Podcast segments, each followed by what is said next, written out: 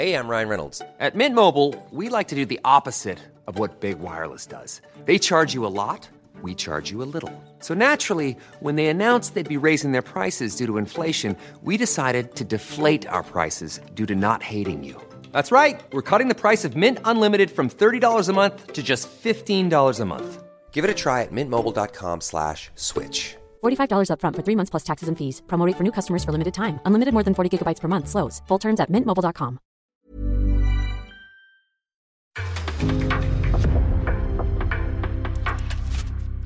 En podcast från Aftonbladet. Det kanske inte blev riktigt lika mycket fotboll som vi hade väntat oss i veckan, men eh, damallsvenskan levererade ju målfäste, skrällar och en toppstrid som tätnar. Toppkänsla på plan är att så här, jävlar vad, vad vi spelar bra liksom. Så äh, jättekul. Och vilka överlever i botten? Ja, det finns många frågor att svara på. Och så snackar vi upp den tyska ligan med hjälp av Rebecka Blomqvist. Så, vad väntar vi på? Nu sparkar vi igång.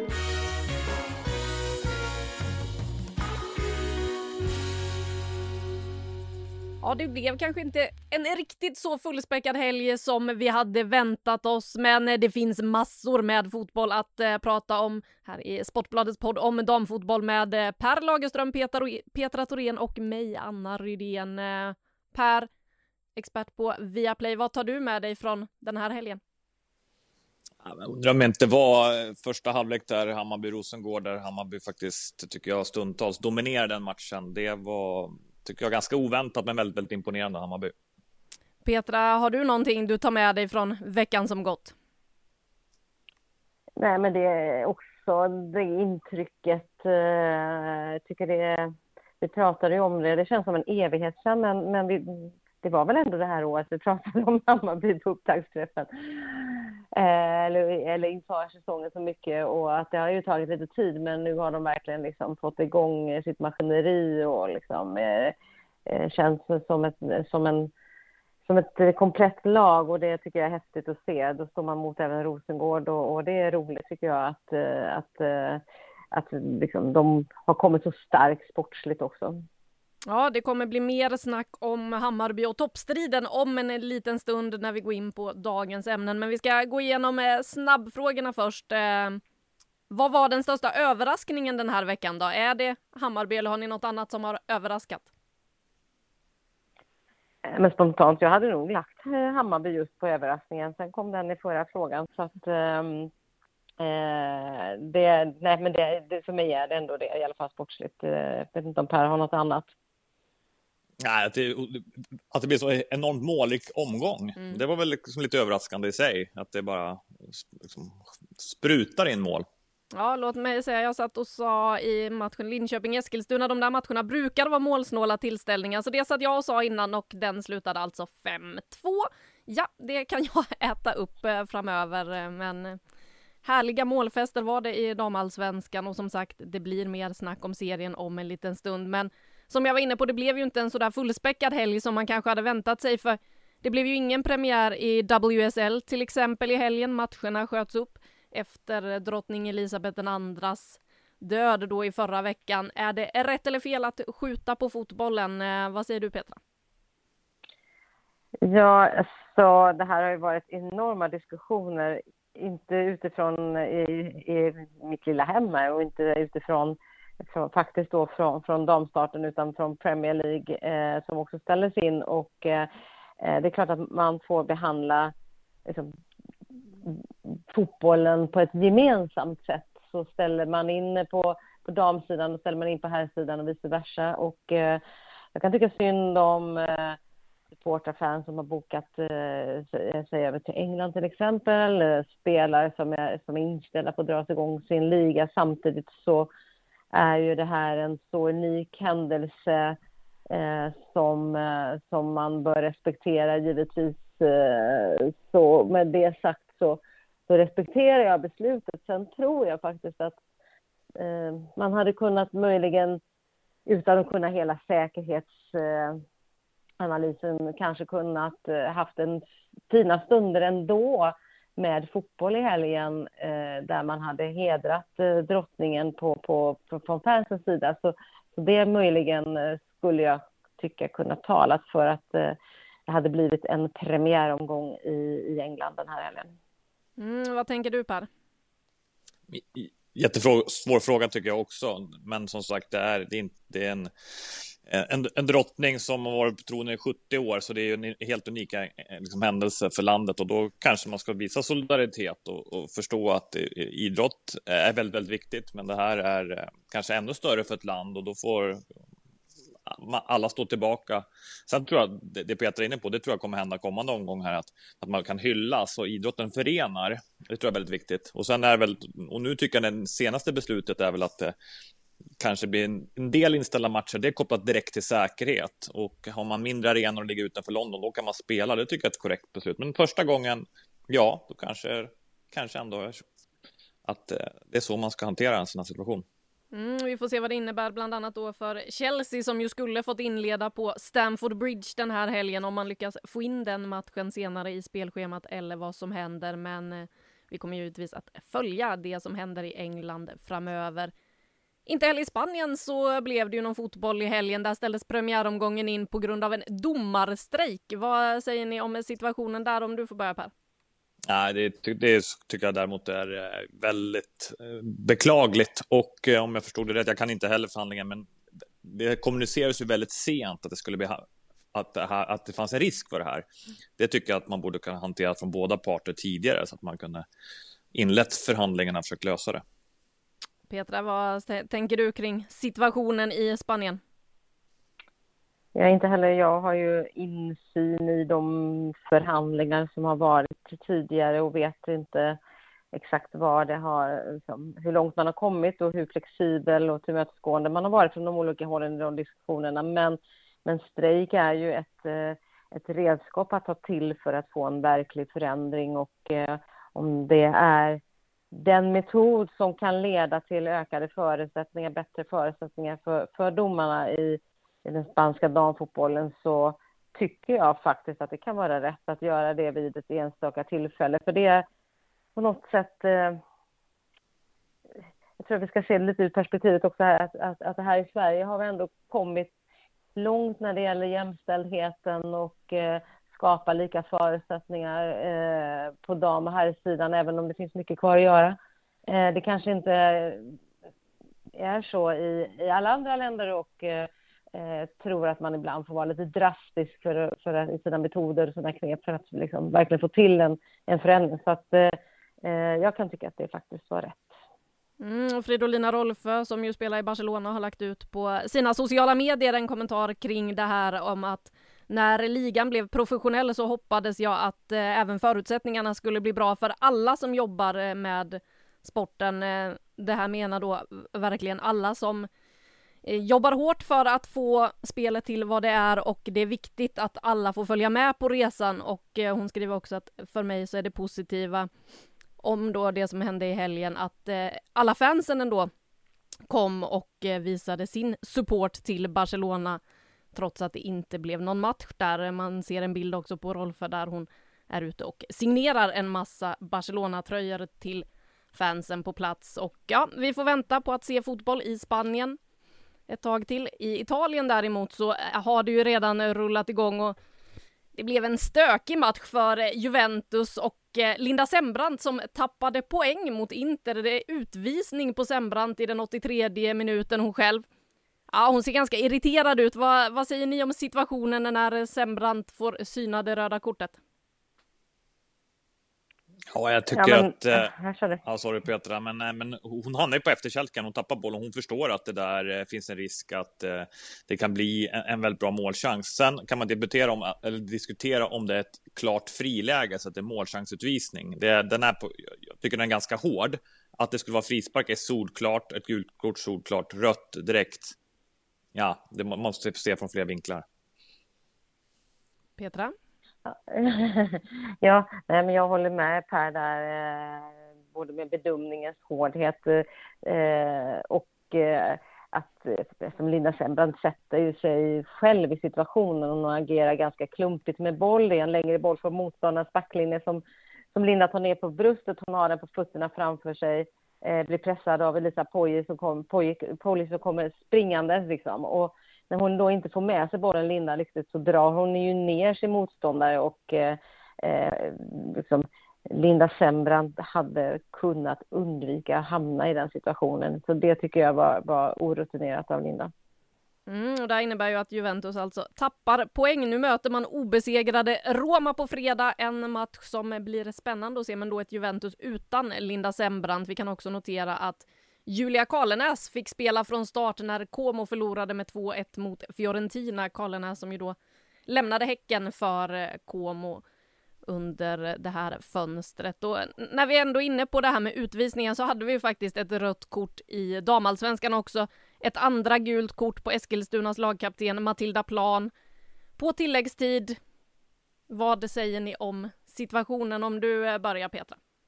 Ja, men den är ju ändå dummare om man får kalla saker för ting inte dumt eller onödigt. Eh, eh, hon stoppar Jong på mitt plan eh, brutalt. Eh, matchen är förlorad för dem.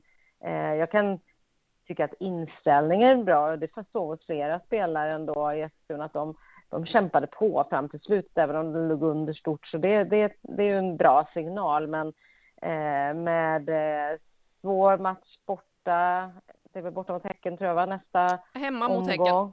Förlåt, hemma mot Häcken är det.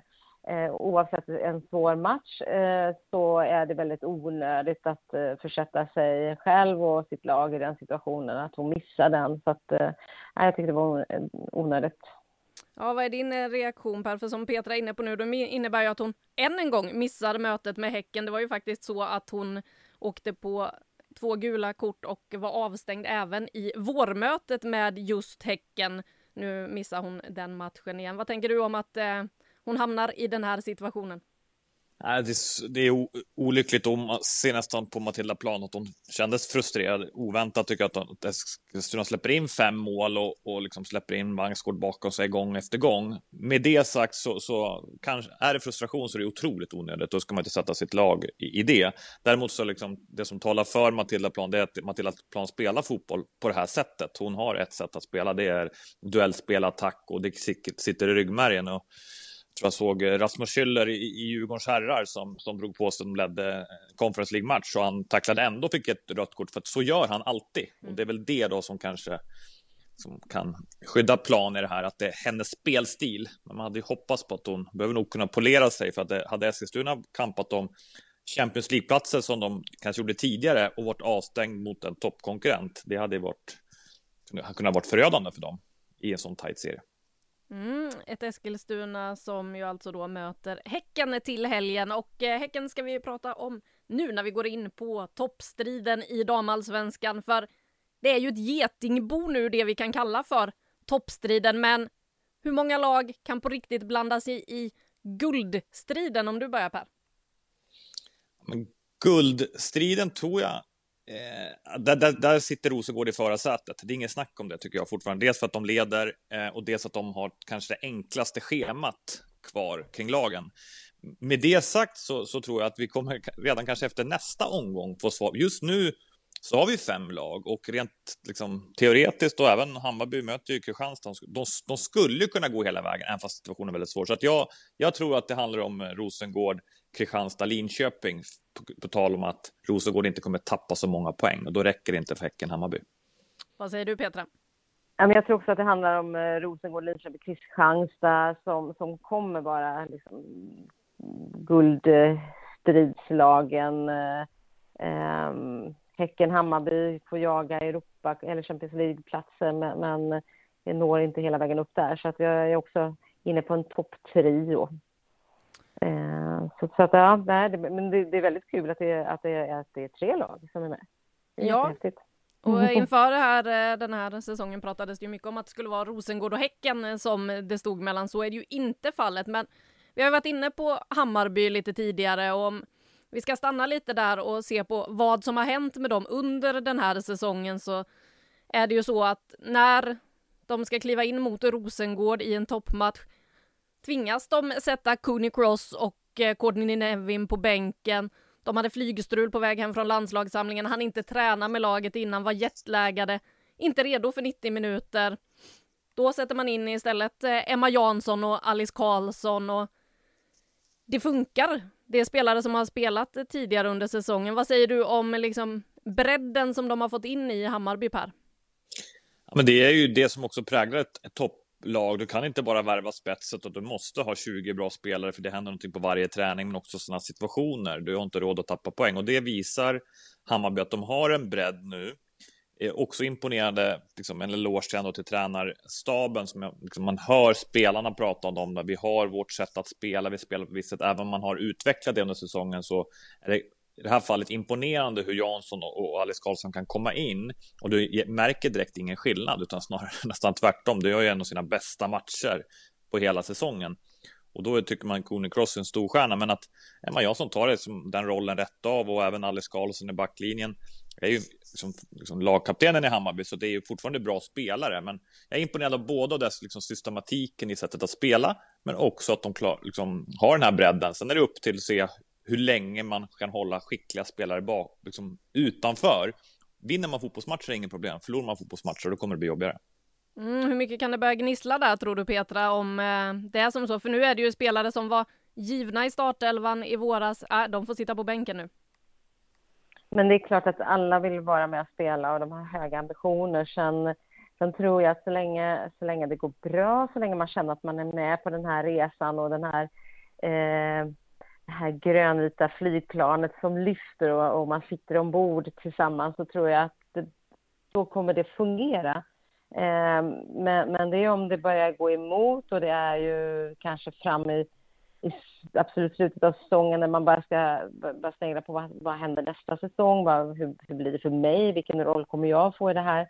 Eh, så, att, eh, så att jag tror ändå att det kommer att flyta på bra. Eh, alla kommer att känna att de är med om något eh, häftigt, men, men att det fram emot efter säsongen och in mot nästa i så fall kommer vara viktigt med, med att man möter det här, eh, liksom den här ambitionen och med en bra tydlighet så att, så att man inte blir av med en massa spelare. Mm, och eh, vi får väl se vad som händer. Vi ska ta och lyssna på lite röster från kanalplan eh, helgen som var och eh, en spelare som ju är otroligt framträdande i det här Hammarby. Det är hon som avgjorde matchen dessutom med sina två mål, Madeleine Janogy. Hon eh, inledde intervjun med att säga att jag har pratat om mod ända sedan jag kom hit. I varje intervju så har jag pratat om att vi måste visa mod, vi måste visa mod, vi måste visa mod. Och ja, nu känns det som att de är modiga ute på planen och vågar spela sitt eget spel. Så här säger Madeleine Janogy efter att ha besegrat Rosengård. Vi möter ett jävligt skickligt lag. Men vi kontrollerar hela första halvlek på ett otroligt bra... Jag har inte sett matchen efterhand men på känslan på planen är att mm. så här, jävlar vad, vad vi spelar bra liksom. Så ehm, jättekul. Och att hålla nollan och göra två mål mot Rosengård, det är jävligt svårt. Men vi gör det och det visar också att så här, det är inte bara snack utan vi har jobbat hårt för det. Liksom. Sen har vi pratat om det men kanske inte vi fått ut resultat på plan men att nu liksom visar vi att så här, fan, det, är, det är hit vi vill komma och det är, hit vi är, det är där vi är nu. Att, liksom, ja, nu känns det som att det är lite mer liksom, lite mer lugnt liksom. Att så vi har fyra raka, vi går ut och spelar. Vi vet nu, nu har vi kvitto på att det funkar liksom så att vi, vi ska bara fortsätta och köra på. Och en annan spelare som eh, gör avtryck i Hammarby och eh, ju till och med fick följa med på landslagssamling senast, det är Matilda Winberg som eh, säger så här efter att äntligen då har besegrat ett av lagen som ligger före Hammarby i tabellen? Eh, nej men supermycket. Eh, det stärker vårt självförtroende ännu mera eh, och att vi har hittat en bra, ett, ett bra sätt att spela, eh, en bra rolig fotboll som vi alla är eh, Eh, bekväma med att spela och eh, att det även gynnar oss till att ta tre poäng och skapa bra eh, målchanser. Och, så att det är superskönt att vi idag visar att det spelar ingen roll om vi möter Rosengård eller något annat lag, att vi går ut och kör vårt spel. Hur tufft var det där ute idag då? Hur trötta är benen nu? Ja, jag höll på att dö. Nej, jag höll inte på att dö. Nej, men jag fick kramp. Så det, var en, det var en väldigt tuff match, men det är det som krävs eh, i alla matcher och det spelar ingen roll om det är Rosengård eller något annat utan att sätta 100 procent eh, jobb gör att vi idag vinner eh, och det börjar med den höga pressen eh, som vi gjorde bra idag. För vi sa det i sändning, men du höll ju på att få friläge där i slutet mm. av matchen. Hade det varit i första halvleken så hade du varit 10 meter före där. Ja, det hade jag absolut varit. Det var som att det stod stopp där. Hey, I'm Ryan Reynolds. Recently, I asked Mint Mobile's legal team if big wireless companies are allowed to raise prices due to inflation. They said yes. And then when I asked if raising prices technically violates those onerous two year contracts, they said, What the f are you talking about, you insane Hollywood ass? So to recap, we're cutting the price of Mint Unlimited from $30 a month to just $15 a month. Give it a try at mintmobile.com slash switch. $45 upfront for three months plus taxes and fees. Promo rate for new customers for limited time. Unlimited more than 40 gigabytes per month. Slows. Full terms at mintmobile.com. Ja Per, vad tror du väntar nu då i matchen som är på fredag? För det blir ju en riktig toppfight när Hammarby ska ner och möta Kristianstad på gräset. Ja, det är en, en jättefight såklart och, och Hammarby var ju ruskigt bra i den här matchen, men det är Kristianstad är också i en hysterisk form och jag undrar om inte ändå hemmaplansfördelen liksom talar för Kristianstad här. Med det sagt så, så stämmer allting för Hammarby med den här truppen. Då, då kan de, de har precis slagit bästa laget i serien så här långt, Rosengård. Då kan de slå den matchen också. Så att det blir nog liksom, he, väldigt svårt att tippa. Jag håller Kristianstad som knapp favorit på grund av hemmaplan. Vad tänker du Petra? Men jag tycker också att eh, alltså man, man har med sig den här känslan av att kan vi vinna mot Rosengård? Jag tror att det är för många lag en sån här otrolig spärr eh, som släpper när man klarar av att slå Rosengård som inte är då lika starka som de varit innan. Och, och eh, det, det, det, tar man med sig. Samtidigt så är, i underlaget, det rullar bättre på konstgräs. Eh, passningsspelet får liksom en sannolikt en bättre utdelning på på, på konstgräs. Så jag tror att det blir en rejäl fight. Liksom. Det ska bli väldigt spännande att se, men en viss fördel Kristianstad då. Mm, och vi var ju inne på det innan här att eh, det har varit målfester den här helgen. Mycket tack vare några notoriska målskyttar som bara öste in mål. Är det bara jag som är förvånad över att det här var Pauline Hammarlunds första hattrick i karriären? Ja men gud ja, jag är övertygad om att hon har gjort eh, tio sådana ungefär. Nej men inte riktigt så många men, men nej, jag var också väldigt överraskad. Ja, i Häckens 5-0-seger alltså hemma mot Umeå. Och eh, Petra, vi ska ju släppa dig alldeles strax. Så innan vi fortsätter prata målskyttar här så ska du få dela ut eh, 5 plus den här veckan. Vad, vad får 5 plus den här veckan? Ja, nej men jag tycker att eh, just eh, när vi pratar om Häcken så fanns det en annan situation, en annan händelse i, i den i den matchen som eh, jag verkligen vill lyfta och eh, sätta det också ett lite större perspektiv. Och det var Rosa Kafashi som kom, kom in och fick göra sin comeback efter det svåra benbrottet i januari. Jag var ute och träffade henne förra veckan på, på GPA, alltså Häckens anläggning och eh, berättade om, om den. Tuffa vägen tillbaka, men mycket det har betytt ändå att, eh, att inse värdet till fotbollen kärleken till fotbollen. Och hon får gå klart skolan, hon har gjort en tung rehab och, och BK Häcken får inte bara tillbaka en, en talang, liksom en av Europas främsta talanger, utan eh, de får tillbaka en, eh, en atlet. Hon har gått igenom en eh, stentuff träning i sommar. Men glädjen och leendet, de sprang in på plan. Eh, jag har sett att de har delat också sociala medier, det är ju fantastiskt att se. Och med det sagt så ge aldrig upp och då kan vi också passa på att lyfta Madeleine Janogy som hon har pratat om mod för Hammarby men det är också ett mod för hennes egen personliga del som för några år sedan eh, hade det stökigt och jobbigt eh, mentalt och, och, har hittat, verkligen hittat vägen tillbaka och känns så väldigt mycket i harmoni och det är också häftigt att se. Jag tänker att här är två spelare som verkligen är förebilder för, för, för unga spelare liksom, som hamnar i svåra situationer. Det går att ta sig tillbaka, det går att eh, att eh, komma igen och det går att komma igen starkare faktiskt än tidigare. Mm, jag gillar ju att se comebacker. Vi kan ju notera även från Stockholms stadion igår där Portia Boache var, äntligen var tillbaka på planen igen för Djurgården. Man gillar ju att se det där när folk kommer tillbaka efter tuffa skadeperioder och annat. Eh, ja, vi var ju inne på det här med målskyttar. Innan vi lämnar toppstriden så är det ju två lag här vi kanske inte har pratat jättemycket om, eh, de som ligger tvåa och trea i Linköping och Kristianstad och där har vi Evelyn Wien som går in och gör fyra mål för Kristianstad mot AIK, gick upp i delad skytteligaledning uppe på 14 mål då totalt för den här säsongen. Det var ju tills Linköping och Amalie Vangsgård spelade då ska sägas, för då kliver ju hon in och gör fyra mål i en match mot Eskilstuna. Vad säger ni om duellen mellan de här två skyttedrottningarna? Om vi börjar med dig Per.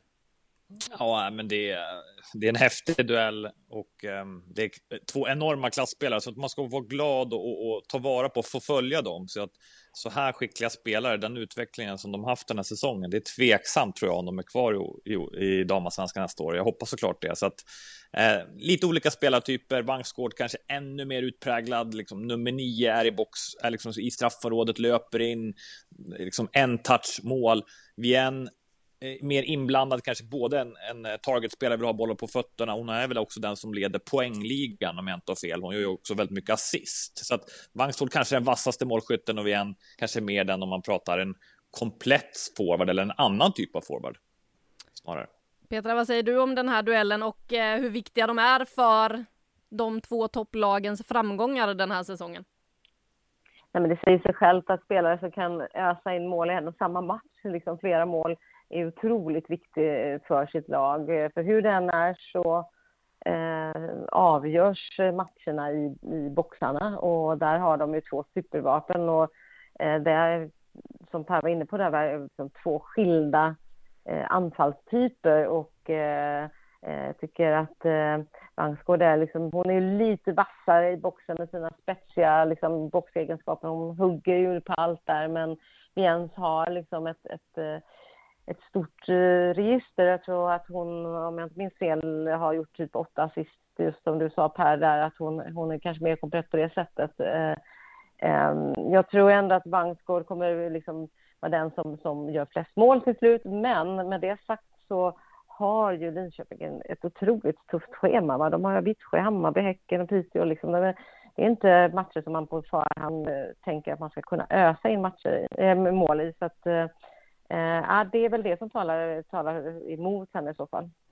Ja, det blir spännande att se hur de hanterar. För eh, Kristianstads del så är det alltså Hammarby som kommer på besök den här veckan och eh, för Linköpings del så är det en tuff bortamatch i Vittsjö som väntar. Vi får väl se hur det går där och om de då kan jaga Rosengård. Frågan är om de regerande svenska mästarna känner sig jagade. Vi kan väl kolla med eh, Olivia Skog. Ja, det känner man väl alltid när man leder oavsett vad det är för situation.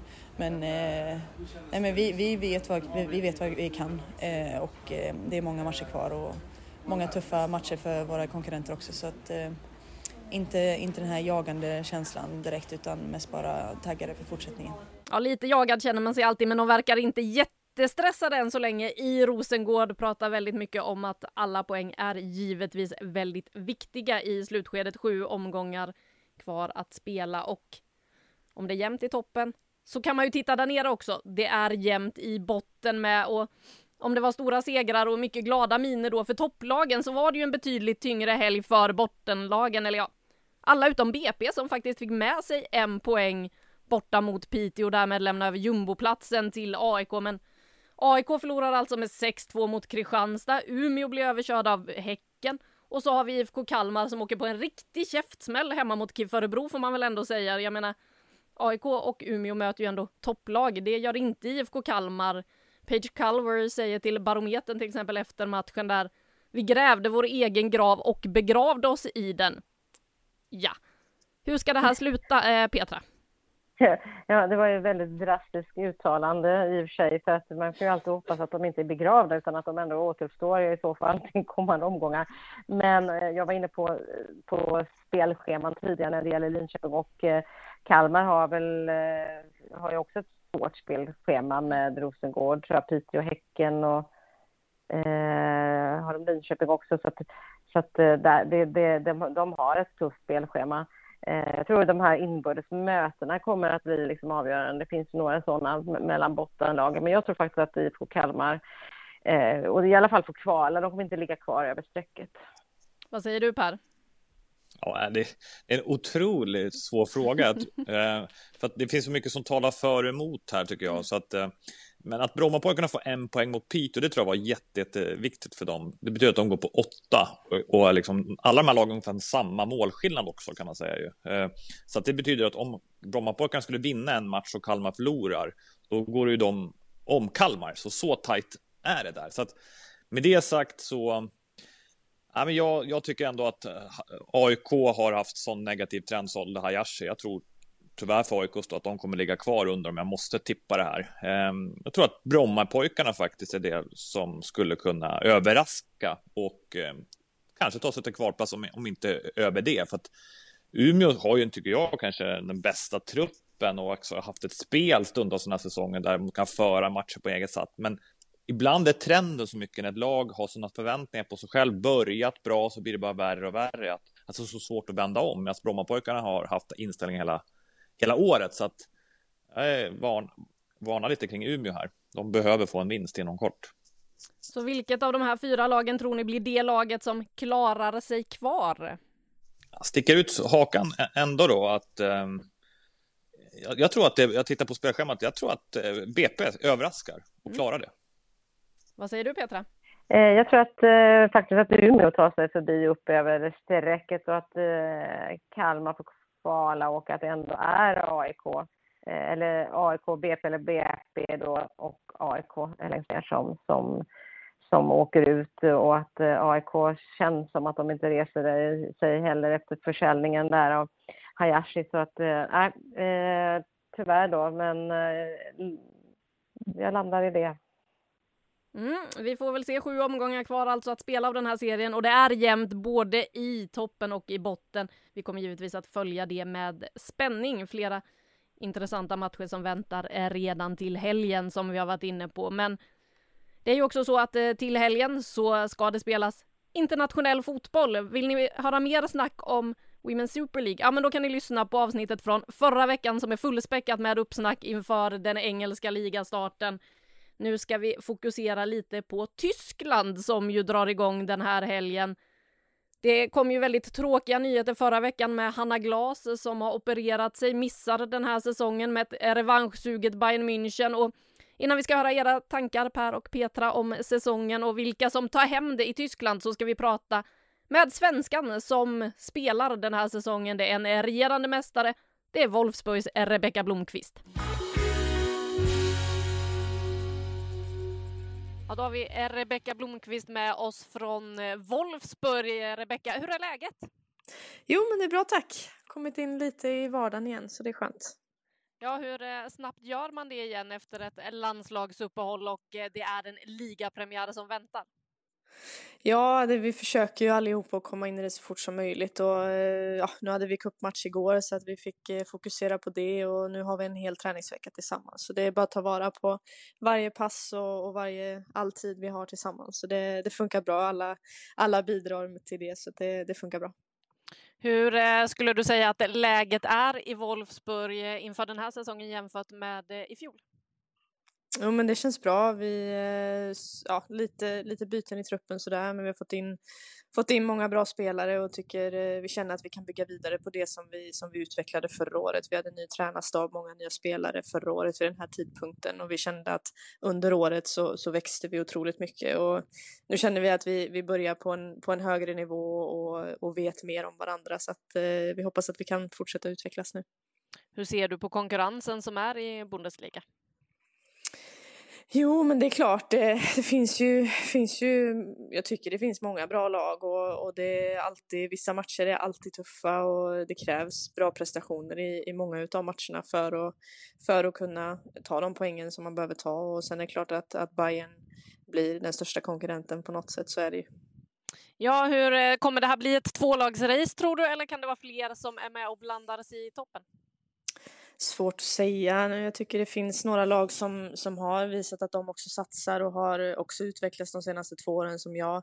Jag har varit här och det är Frankfurt och, och Hoffenheim är alltid intressant också. Och sen finns det några lag som, som ändå kan prestera bra och ta poäng av, eh, av många andra lag också. Så att, eh, det ska bli intressant att se men eh, det är klart att ja, jag tycker att Wolfsburg och Bayern är, är de bästa lagen i ligan, absolut. Ni eh, ställs också mot eh, Bayern München ganska tidigt ändå. Hur eh, viktig blir den matchen? Jo, men jätteviktig. Det, det, nu har vi dem i, i omgång fem redan så att det, det är skönt på ett sätt att, att få den matchen och, och, kunna ladda upp för den. Och det, den är väldigt, väldigt viktig. Sen, sen är det ju klart, det får bli det klassiska svaret. De andra matcherna är minst lika viktiga. Det är tre poäng som gäller där också, men det är klart att de matcherna blir väldigt viktiga. Det såg vi förra säsongen också när vi hade två vinster mot dem. Det är bra.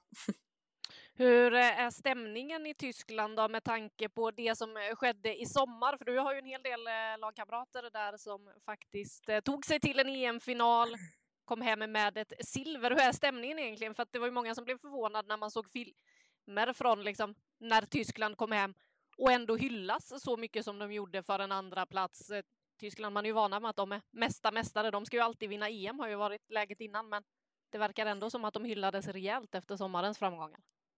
Ja, precis. Jag tror att det, det är klart att det, det handlar mycket om, om framgång och om att vinna. Sen är det klart att de gjorde ett, ett fantastiskt mästerskap och det tror jag att, att de själva känner också. Och det känner fol, folket här och jag tror hela fotbollsvärlden att de, de gjorde ett väldigt, väldigt bra mästerskap. Och det är ju som, som det är nu på högsta nivå internationellt att det finns många landslag som är väldigt, väldigt bra. Så att det är klart att som inför detta EM till exempel kan man väl säga, ja om man skulle, skulle prata om favoriter så fanns det väl sex favoriter och då mm. är det ju inte favoriter egentligen utan då finns det sex lag som kan slåss om, om det där guldet och eh, då tycker jag inte det ska ses som ett misslyckande att få ett silver heller. Sen är det klart att de eh, hade önskat att det var ett guld, det, det har jag ju förstått också.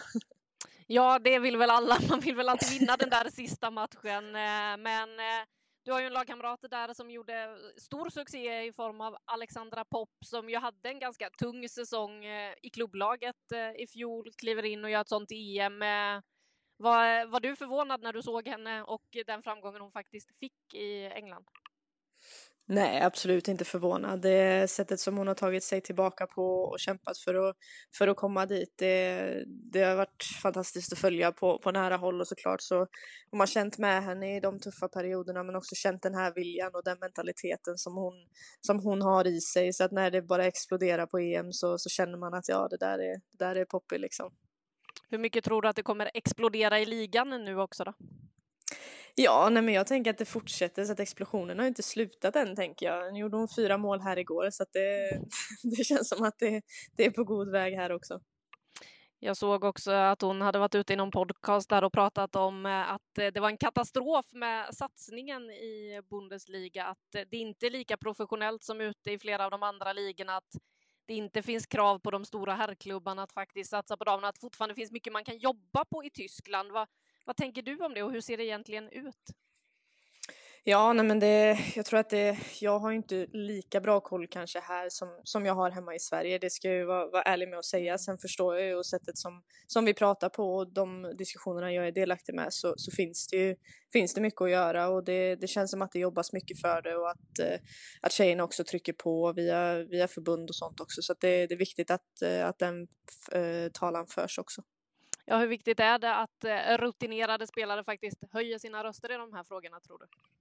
Jo, men jätteviktigt och att alla, alla spelare egentligen gör det så att det får så stor effekt som det kan få så att vi får alla, alla förutsättningar vi kan få också så att det inte bara är de, de stora rösterna men det är klart att de, de kanske blir ledande i det, absolut.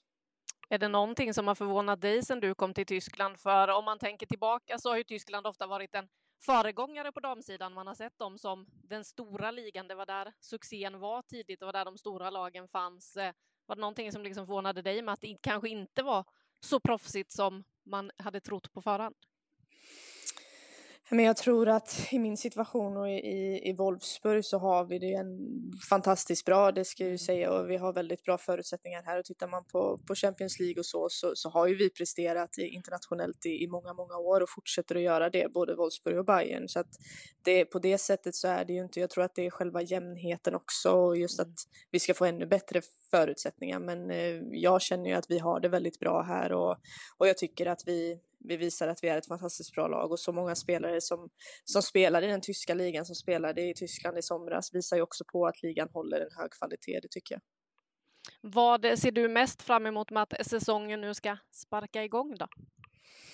Ja, men allting egentligen. Det, nu har man, jag har fått uppleva en fantastisk sommar och sen så vill man bara dra igång och, med liga och cup och, och Champions League och ja, ser egentligen fram emot, emot allting och bara få börja spela matcher med, med klubben igen. Hur eh, ser du på din egen situation då, möjligheten till speltid och konkurrenssituationen? Hur är läget?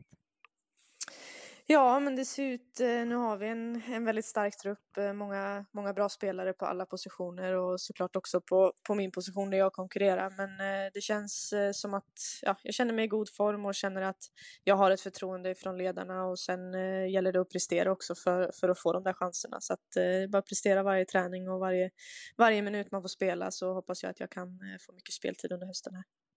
Vi var inne på frågan om det kommer bli ett tvålagsrace eller inte. Hur eh, svårt tror du det kommer vara för er att försvara titeln? För det är ju faktiskt så att ni är eh, regerande mästarinnor. Ja, och det är som jag sa, det gäller att, att, ha bra prestationer i varje match. För det, det, är klart att det är stora matcher som, som vi ska spela och lagen vi möter vill, vill slå oss också. Så är det ju när man eh, är ett topplag och regerande mästare dessutom. Så att det kommer, kommer krävas bra prestationer och det är klart att det kommer bli eh, ja, det ställs höga krav för att vi ska kunna eh, försvara titeln, men jag tror absolut att vi har goda chanser att göra det. Och eh, ser man till din egen situation så var det ju också landskamps eller landslagsuppehåll här nyss som vi pratade om. Du fick hoppa in, göra mål. Vad betyder det att få ett godkänt mål i landslagssammanhang efter sommarens EM? Peter Gerhardsson var själv väldigt nöjd med att äntligen kan man fira målen som görs i en landskamp. Ja, men det var väldigt skönt såklart. Jag sa det, jag tittade nästan upp mot, eh, mot tavlan eh, automatiskt för att se så att det inte var någon VAR-koll. Sen är ju VAR bra i, i vissa fall också, men eh, det är klart att det, det, här målet blev godkänt och det var väldigt skönt att, få göra det och det var skönt att vi vann med 5-0 och gjorde en, en hel del mål. Så. Ja, vad betyder det att få den starten igen efter ett väldigt tungt EM-uttåg som du ändå blev med den semifinalförlusten som var i England? Ja, det är klart det var tufft och eh, väldigt skönt att samlas igen och, och, få, få en bra match eh, för hela gänget och prata igenom det som vi upplevde och också ta, ja, ta sikte mot, mot VM nästa år och, och de matcherna vi har här i höst. Och eh, i höst är ju tuffa landskamper som väntar. Ni får testa er mot eh, tunga motståndare. Vad tror du det betyder? Ja, men jag tror det är jätteviktigt och det är någonting vi, vi vill göra och nu har vi tre, tre jättebra matcher här i höst som, som vi ska ja, fokusera på det som, som vi ska göra och också känna att vi får ett bra motstånd och förbereda oss på allra, allra bästa sätt. Hur, eh, vad tror du, liksom, hur viktigt är det inför ett mästerskap att man får testa sig mot de allra bästa inför? För det såg vi ju kanske inte riktigt inför EM med tanke på att ni hade ett pågående VM-kval som låg hela vägen fram. Nej, precis. Det blir ju lite så i, i, i kvalen att, eh, och nu blir det fokus på det inför EM. Sen eh, är det ju svårt att säga exakt hur stor betydelse det har, men eh, som, som med, med det mesta annat, när man möter bra spelare och spelar med bra spelare så utvecklas man och, och ja, spelar på en hög internationell nivå helt enkelt. Så att det, det finns ju egentligen bara fördelar med det, absolut. Och om vi ska avsluta med att gå tillbaka till Tyskland. Ni spelar er första match på lördag mot Essen. Vad kan vi förvänta oss av den matchen tror du? Ja, men nu hade vi en kuppmatch här igår, första tävlingsmatchen och vi kände att eh, det var inte vår bästa prestation så vi, vi kommer försöka och, höja vår prestation helt enkelt. Vi möter ett eh, bättre lag nu på lördag. Essen är ett bra lag så att eh, vi, eh, vi kommer göra allt för att göra en bättre prestation eh, än igår trots att vi vann med med 8-2 där. Men eh, nej, vi fokuserar denna veckan bara på att eh, göra det som vi har sagt att vi ska göra så tror jag att vi kommer, eh, hoppas att vi tar tre poäng. Vad skulle du säga kännetecknar Wolfsburg den här säsongen? Mm, jag skulle säga att eh, ja, dels det som kännetecknar är alltså att vi, att vi har en stark trupp och en hög kvalitet på alla positioner. Eh, vi spelar en, en bra taktisk fotboll tycker jag eh, med en hel del fart också så att, eh, det hoppas jag ska känneteckna oss. Och den sista frågan blir den raka frågan. Vilka vinner Bundesliga den här säsongen? Nej, men jag svarade lite mer utförligt förut så det är klart att eh, jag hoppas såklart att det, att det blir vi och jag tror att vi har goda chanser. Ja, Rebecka Blomqvist eh, vågar såklart inte säga annat än att Wolfsburg tar hem det den här säsongen också. Per, vad tror du om säsongen som väntar i Tyskland? Ja, man tror att och jag tror och hoppas att det fortfarande blir jämnt. Bayern München Vi visar ju musklerna med värvning bland annat av Stanway. Eh, fantastiskt EM-slutspel. en skicklig liksom, poängspelare. Men med det sagt så Wolfsburg tycker att ha många spelare i spännande ålder. Jag tycker de ser ut att kunna bli bättre. Jag tänker på sånt som Lena Oberdorf bland annat. Att, mm, nej, jag, jag håller ändå Wolfsburg som favoriter. Ja, Lena Oberdorf var ju en av eh, EMs bästa spelare får man väl ändå säga. Man kan också titta vilka Wolfsburg har fått in som Marina Hegering som går från då Bayern München till Wolfsburg och första målvakten i tyska landslaget Merle Froms eh, som kommer in i Wolfsburgs trupp. Eh, Petra, vad tror du om eh, säsongen i Tyskland? Ja, men jag tror, eh, det är klart att Wolfsburg kommer vara i topp, men då tillsammans tror jag med Bayern München och tycker att det var intressant eh, eh, den statistiken som kom efter Champions League förra året, att Bayern München låg så eh, otroligt mycket topp på när det gäller löpmeter. Sen har ju de gjort ett skifte med, med på tränarsidan och sådär. Jag tror ändå att det finns kvar det här eh, metodiska löpandet som, som, som de har i, i, liksom i, i laget och att eh, kan man ta med sig det in liksom med, med, en del justeringar och ett nytt sätt att spela så, så tror jag att de kan bli eh, lite mer giftiga eh, i år. Så att eh, jag sätter nog en röd liten varningsflagg för, för Bayern. Mm, vi får väl se, det blir spännande när det drar igång och vi har alltså en svensk representant i ligan i form av Rebecka Blomqvist vars då Wolfsburg kliver in mot Essen. Bayern München sparkar igång redan på fredag och så hoppas vi ju då att få se mer internationell fotboll i helgen och även damallsvenskan. Det blir en fullspäckad vecka det här, mycket att se fram emot. Eh, per och Petra, jag tackar er så hemskt mycket för att ni hade tid att vara med här idag.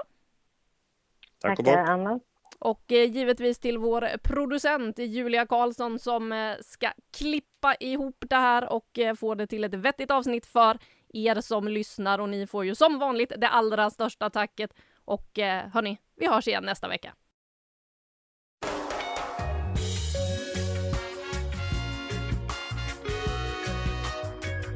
Du har lyssnat på en podcast från Aftonbladet. Ansvarig utgivare är Lena K Samuelsson.